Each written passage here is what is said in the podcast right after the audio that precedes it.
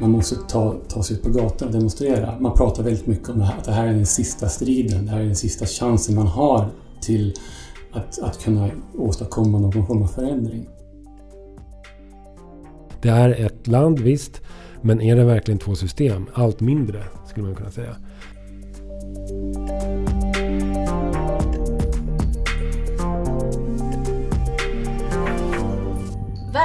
Till premiäravsnittet av Rapporterat. En podcast om forskning för en säkrare värld från FOI, Totalförsvarets forskningsinstitut. Jag som programleder den här podcasten heter Madeleine Westerlund och är kommunikatör här på myndigheten. I dagens avsnitt ska vi prata mer om utvecklingen i Hongkong. Vad ligger till grund för oroligheterna? Går det att säga något om vad som kommer hända i regionen på kort och lång sikt? För att hjälpa oss reda ut dessa frågor så har vi med oss två av FOIs forskare som är experter på just säkerhetspolitik i den här regionen. Jerker Hellström och Johan Englund. Välkomna till Rapporterat! Tack! Tack så mycket! Jerker, du är forskningsledare här på FOI. Eh, berätta lite kort om din forskningsbakgrund. Ja, jag leder alltså Asien och Mellanöstern-projektet här på FOI och eh, har varit här sedan 2008. Först och främst så ägnar jag mig åt forskning som rör Kina. Jag har bland annat tittat på ämnen som Kinas relationer med Indien, eh, Kinas verksamhet i Afrika ehm, och nu på senare tid allt mer eh, när det gäller Kinas engagemang i EU och inte minst Sverige. Även när det gäller specifika frågor som Kinas investeringar i Europa och Sverige och företagsförvärv. Innan jag började på FOI så jobbade jag som journalist i tio år på Reuters och var bland annat korrespondent i Shanghai. Eh, Johan, du är ganska ny här på FOI eh, och mm. jobbar som analytiker. Eh, vad ligger på ditt bord just nu? Jag är precis i sluttampen med att avsluta en studie om Kina och Iran och deras relationer. Och ska just börja på en annan studie som handlar om Kina och Indien, deras strategier och aktiviteter i Afrika. Spännande. Ja. Eh, men idag ska vi prata om Hongkong och det har ju verkligen hänt mycket i Hongkong eh, den senaste tiden. Efter andra världskriget återgick Hongkong till brittiskt styre År 1984 kom man överens om att hela Hongkong skulle överlåtas till Kina 1997 som en särskild administrativ region. Detta skulle ske under parollen Ett land, två system. Men sedan dess har regionen präglats av perioder med missnöje och protester.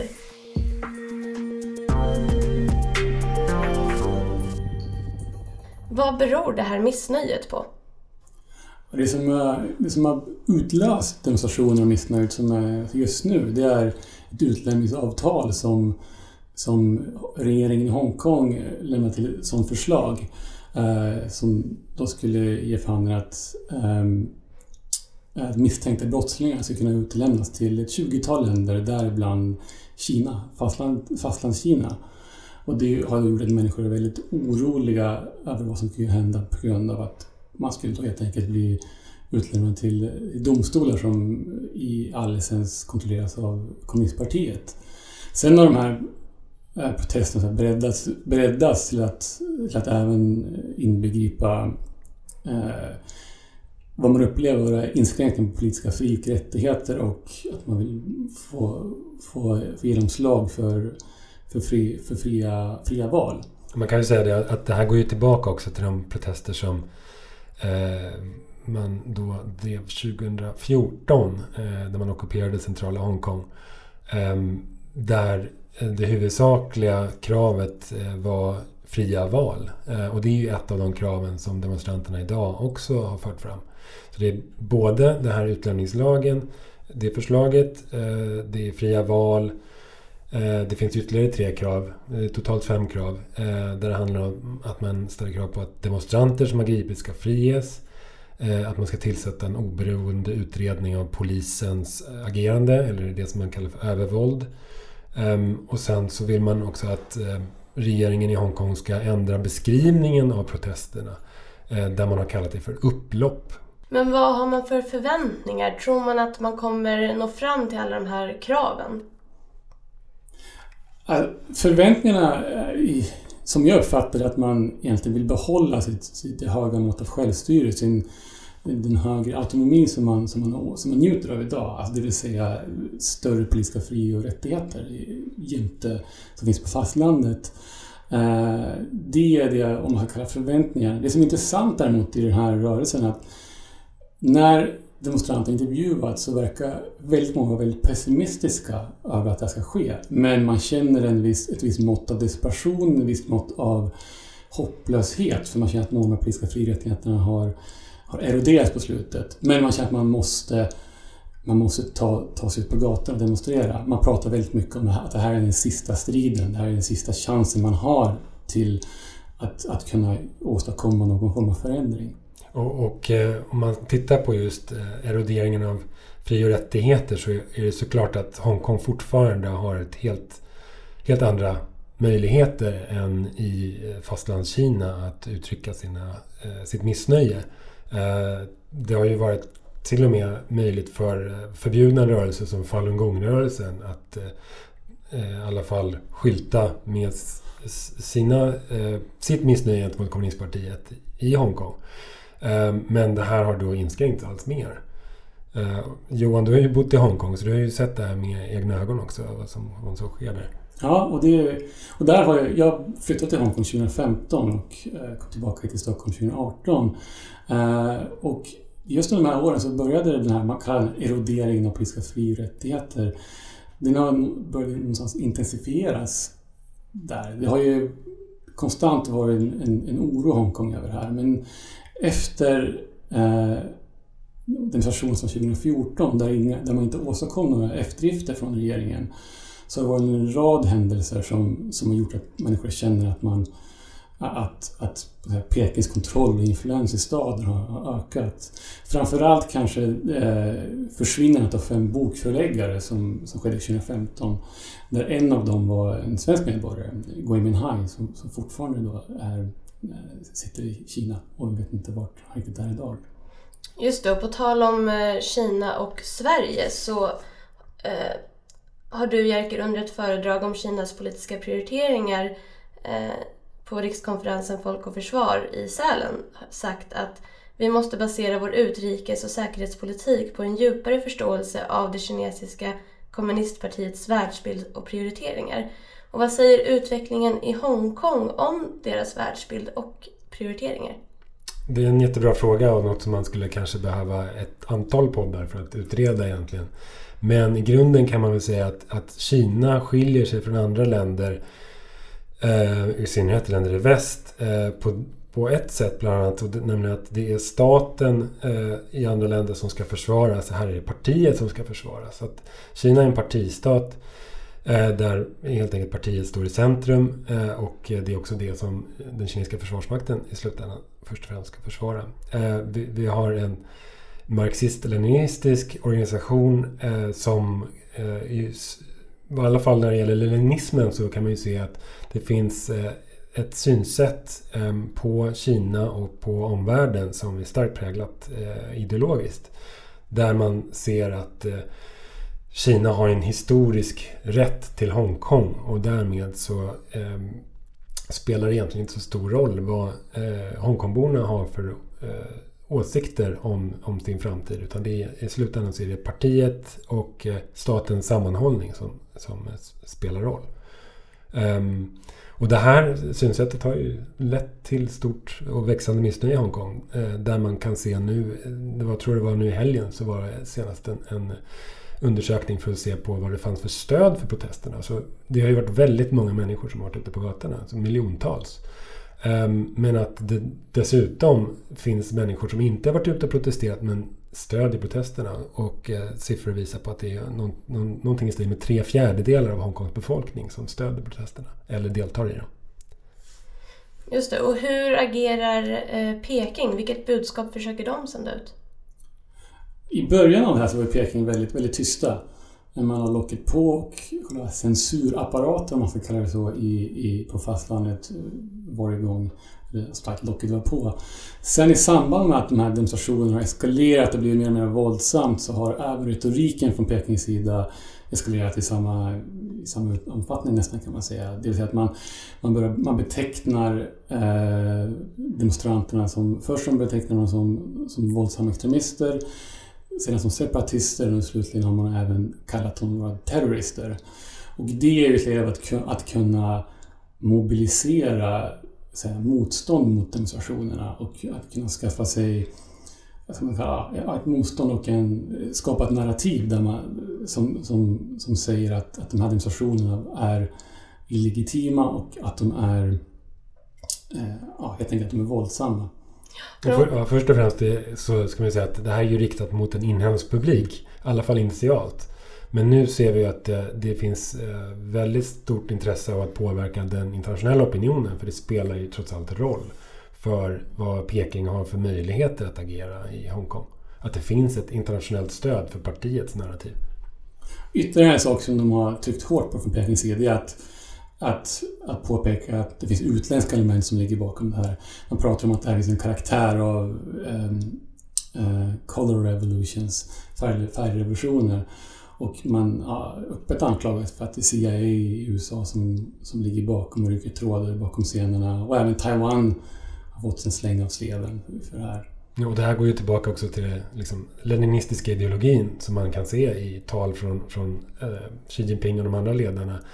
Eh, som är baserat på tankegods eh, om att partiet inte kan göra fel. Eh, och när partiet inte har gjort fel och det finns ett sådant missnöje, ja men då måste det ju vara någon, någon annan som eh, har sett till att de här protesterna uppstår. Och då, ja, då handlar det om USA, andra delar av väst som eh, helt enkelt har ett intresse av att försvaga kommunistpartiet genom att uppmuntra till protester. Det är så eh, narrativet går.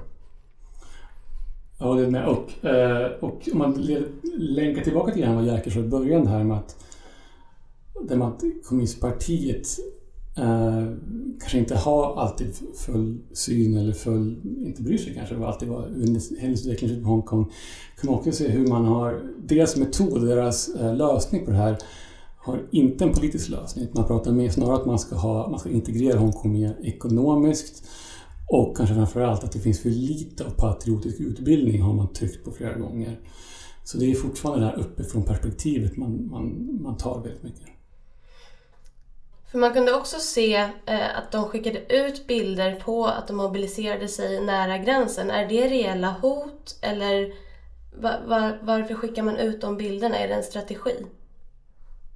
Ja, eh, men man kan väl säga att det är mångt och mycket signalering. Eh, att inte minst att man visar att eh, den här möjligheten finns, men man har inte använt sig av den möjligheten. Det vill säga eh, skicka signalen till omvärlden att eh, Peking helt enkelt är försiktigt med hur man försöka slå ner på demonstrationer. Att man tillåter, trots att man har möjlighet helt enkelt att släcka ner demonstrationer med militärmakt eller med polis eh, eller vad det nu är för någonting. Eh, med våld helt enkelt.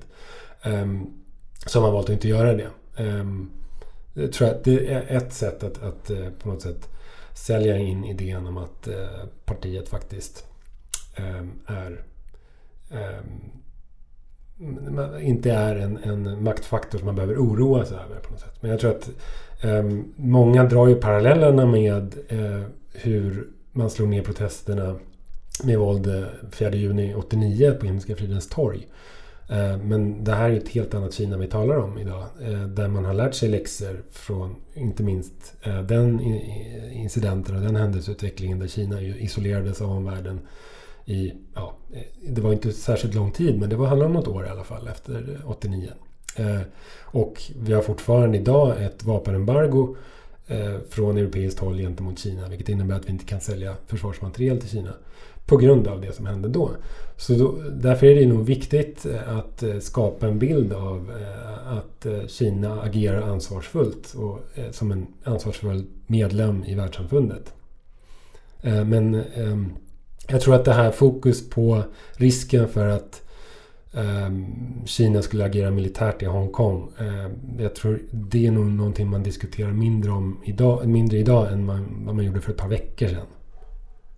Ja, jag tror, alltså, visst, ett reellt hot, men långt borta eh, är min bedömning också. Men det, jag tror också att det är alldeles för kostsamt både internationellt och nationellt att göra sådär. Det finns andra metoder man kan, göra, man kan använda sig av istället. Exempelvis, jag tror man pressar näringslivet väldigt hårt just nu och, och som jag var inne på förut, skapa ett narrativ där man, där man mobiliserar folket mot demonstranterna. Och att, att liksom ge en bild av att, att protesterna är våldsamma och därigenom spela det långa spelet, om man ska kalla det så, och kanske försöka nöta ner dem. Och vi pratade ju lite om omvärlden tidigare, USA och Taiwan. Eh, vad är omvärldens intresse eh, av den här konflikten? Framförallt så är, så är Hongkong ett, ett finanscentrum. Så det finns väldigt stora ekonomiska och ja, finansiella och ekonomiska incitament och intressen från omvärlden. Och det ska man komma ihåg även för Kina. Även för Kina, absolut. Mm. Eh, så det är många företag är, är, har sina högkvarter i Hongkong. Eh, man kan kanalisera och, och investeringar och även teknologi in och ut genom Kina. Så det är, det är ett stort intresse därifrån. Och eh, när jag har tittat just på den här frågan om kinesiska bolagsförvärv och andra investeringar i utlandet så är det en väldigt stor del av det som går just via Hongkong. Så att det, det är en, en aspekt som man verkligen måste ta med i analysen av, av vad som sker och vad partiet inte gör idag i Hongkong. Sedan har bakgrunden som, som ligger skvalpat genom bakgrunden är frågan om Taiwan. Eh, Kinas eh, för, man ska kalla det förslag till hur man ska införliva Taiwan det är att just att upprätta det här ett land, två, två systemmodellen som just nu Hongkong råder under. Och eh, man har ju sett ju mer demonstrationen har lidit, ju mer det har varit protester i Hongkong mot det här systemet så har även motståndet i, i Taiwan mot det här systemet ökat samtidigt. Uh, så, så Taiwan-frågan ligger också i deras skvalpare. Sen ska man nog säga att det, det är kanske inte protester mot systemet i sig utan det är i, i hur man ser att eh, vad, vad, det systemet omfattas av. Det är ett mm. land, visst. Men är det verkligen två system? Allt mindre, skulle man kunna säga. Och det är väl det som taiwaneserna också ser i det här fallet. Att eh, vad är Pekings respekt för det system som redan råder i Hongkong. Det kan man ifrågasätta. Mm. Hur agerar de här andra stormakterna?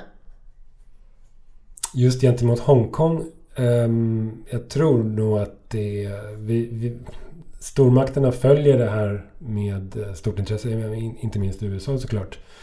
Um, men som jag sa, det här idén om att det, det ligger Eh, västerländskt inflytande bakom protesterna. Det är ju någonting, ett narrativ som eh, jag tror inte USA eller någon annan vill vara med och förstärka. Och eh, skulle USA lägga sig i mer eh, än genom att göra politiska uttalanden eh, då skulle det kunna bli kostsamt. Eh, just för att det på något sätt spelar eh, kommunistpartiet i händerna. Så det är väldigt svår balansgång tror jag.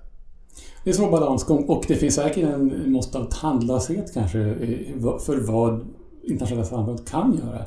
Eh, Storbritannien i, i mått av sin historiska delaktighet, om man säger som Hongkong, eh, var i början av demonstrationerna ute och varnade för att det här kan få konsekvenser om, om Peking inte följer eh, minikonstitutionen som, som upprättades 1997.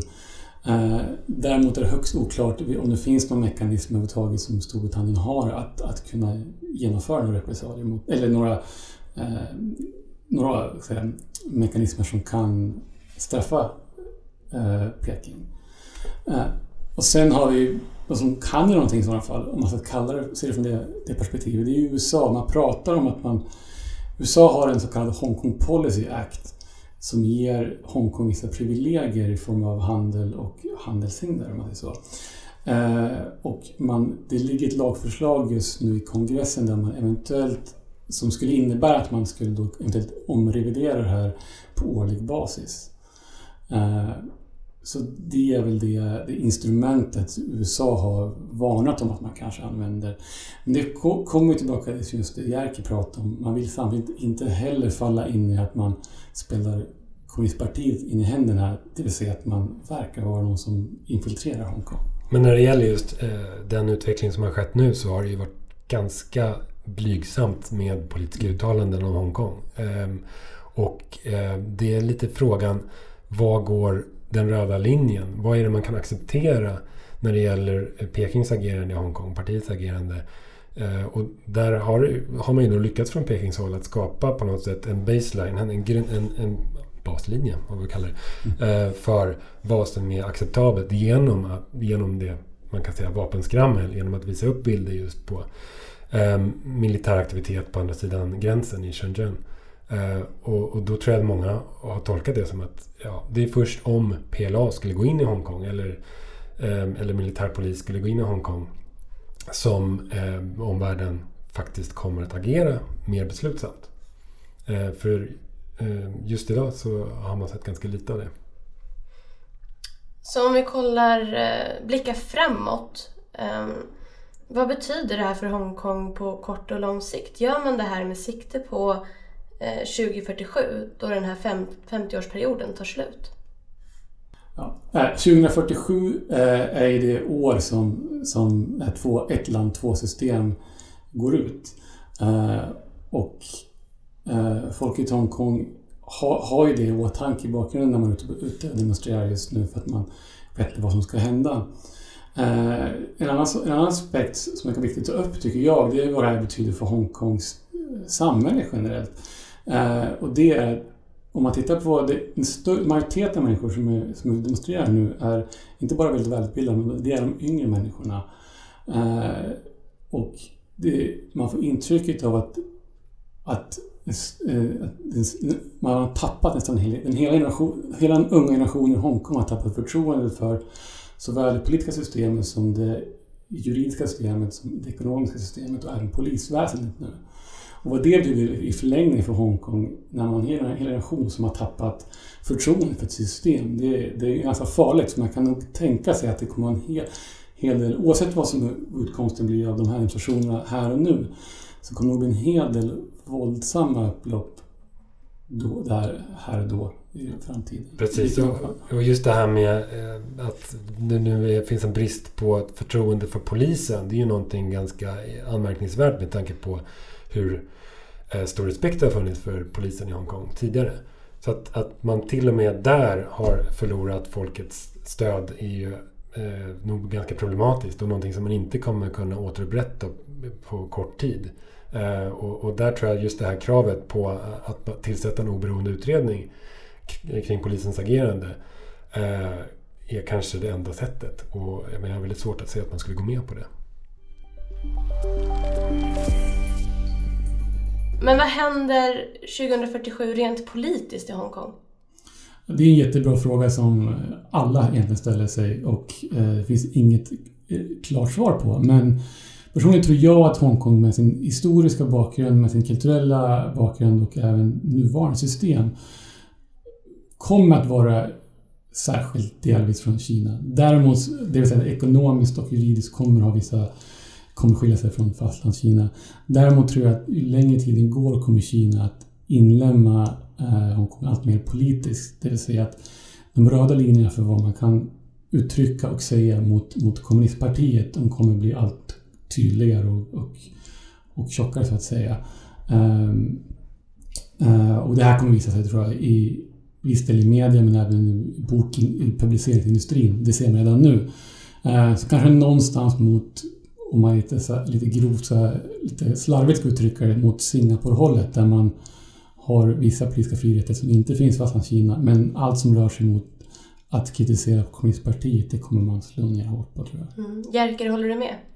Jag håller med. Men, men eh, det, om man ska titta tillbaka på vad vi har trott om Hongkongs utveckling och, och inte minst om Kinas utveckling så eh, var, fanns ju idén att eh, Kina skulle på något sätt närma sig Hongkong allt mer eh, när det gäller politik. Att det skulle bli öppnare i Kina. Eh, att man skulle se mer av eh, västerländsk demokrati i Kina ehm, kanske inte fullt ut då, men att, att man skulle ändå vara på god väg idag. Eh, tyvärr så i den politiska utveckling som vi ser i Kina är snarare tvärtom inom många områden. Eh, att det blir helt enkelt eh, mer, mer repressivt och ibland och slutet eh, i vissa fall. Ehm, så att eh, det här med hur man kommer utvecklas 2047, det är ju ganska bra tag kvar. Eh, så jag håller med om Johans analys men jag skulle nästan också vilja kasta in en brasklapp att vi kan ha helt fel. Och slutligen, har ni några lästips för den som vill eh, lära sig mer om, om det här ämnet eller som vill läsa något som ni har eh, skrivit här på FOI? Jag har ett lästips, det handlar kanske inte så mycket om Hongkong men det berör ju Kina absolut så det, det kanske funkar ändå. Det är en bok som heter Factory Girls som är skriven av en Wall Street-journalist, Wall Street Journal-journalist eh, som heter Leslie Chang som handlar om Eh, migrantarbetande kvinnor eh, i södra Kina. Som handlade om, om tjejer som, kvinnor som flyttar ner till södra Kina och jobbar i, jobbade under början av 2000-talet i, i fabriker i Kina. Och det är en bild som är lite mer komplex. Vanligtvis så är bilden av att, att att migrantarbetare bara exploateras och har det under väldigt odrägliga förhållanden. Den bilden framkommer här också men det finns även en mer komplex bild av människor som lyckas röra sig uppåt i det sociala skiktet och så vidare. Så det är en väldigt intressant bok. Mm. För den som vill lära sig mer om, om Kinas ekonomiska och sociala utveckling. Jag håller helt med. Sen så vill man följa utvecklingen i Hongkong så rekommenderar jag att man, man eh, besöker eh, Hongkong Free Press hemsida eh, som följer det här eh, väldigt nära såklart. Um, och inte minst i och med den uh, utarmning av uh, fria medier som har skett i Hongkong. Uh, South China Morning Post rapporterar bra också. Um, men jag tror Hong Kong Free Press är, är mer självständigt. Ehm, sen så har vi um, kan ju också vara intressant när det just gäller att följa utvecklingen. Att även titta på hur både People's Daily, Folkets Dagblad rapporterar och även deras systertidning, den mer nationalistiska tabloiden Global Times. Eh, men, men som sagt, bara för att få en inblick i hur partiet väljer att beskriva händelseutvecklingen och vad det är för information som människor i Kina får, vad de får för information. Sen när det gäller vad som har skrivits tidigare tycker jag också kan vara bra att eh, förstå, lära sig lite mer om hur partiet resonerar rent allmänt eh, och hur partiorganisationen fungerar eh, genom att läsa vad John Garneau och Peter Mattis har skrivit. Eh, John Garneau var tidigare korrespondent för Sydney Morning Herald bland annat i Peking eh, och har dess, därefter varit rådgivare i Kina-frågor hemma i Australien. Eh, och Peter Mattis är en tidigare CIA-analytiker eh, som nu jobbar för en en grupp eh, som arbetar med Kina eh, i, i amerikanska, för amerikanska kongressen. Så det kanske vi kan länka till. Ja, vi kommer länka till alla lästips på vår hemsida foi.se podcast. Tack för att ni deltog i det första premiäravsnittet av Rapporterat. Det var roligt, tack. Ja, tack så mycket. Och vi är tillbaka igen om en månad.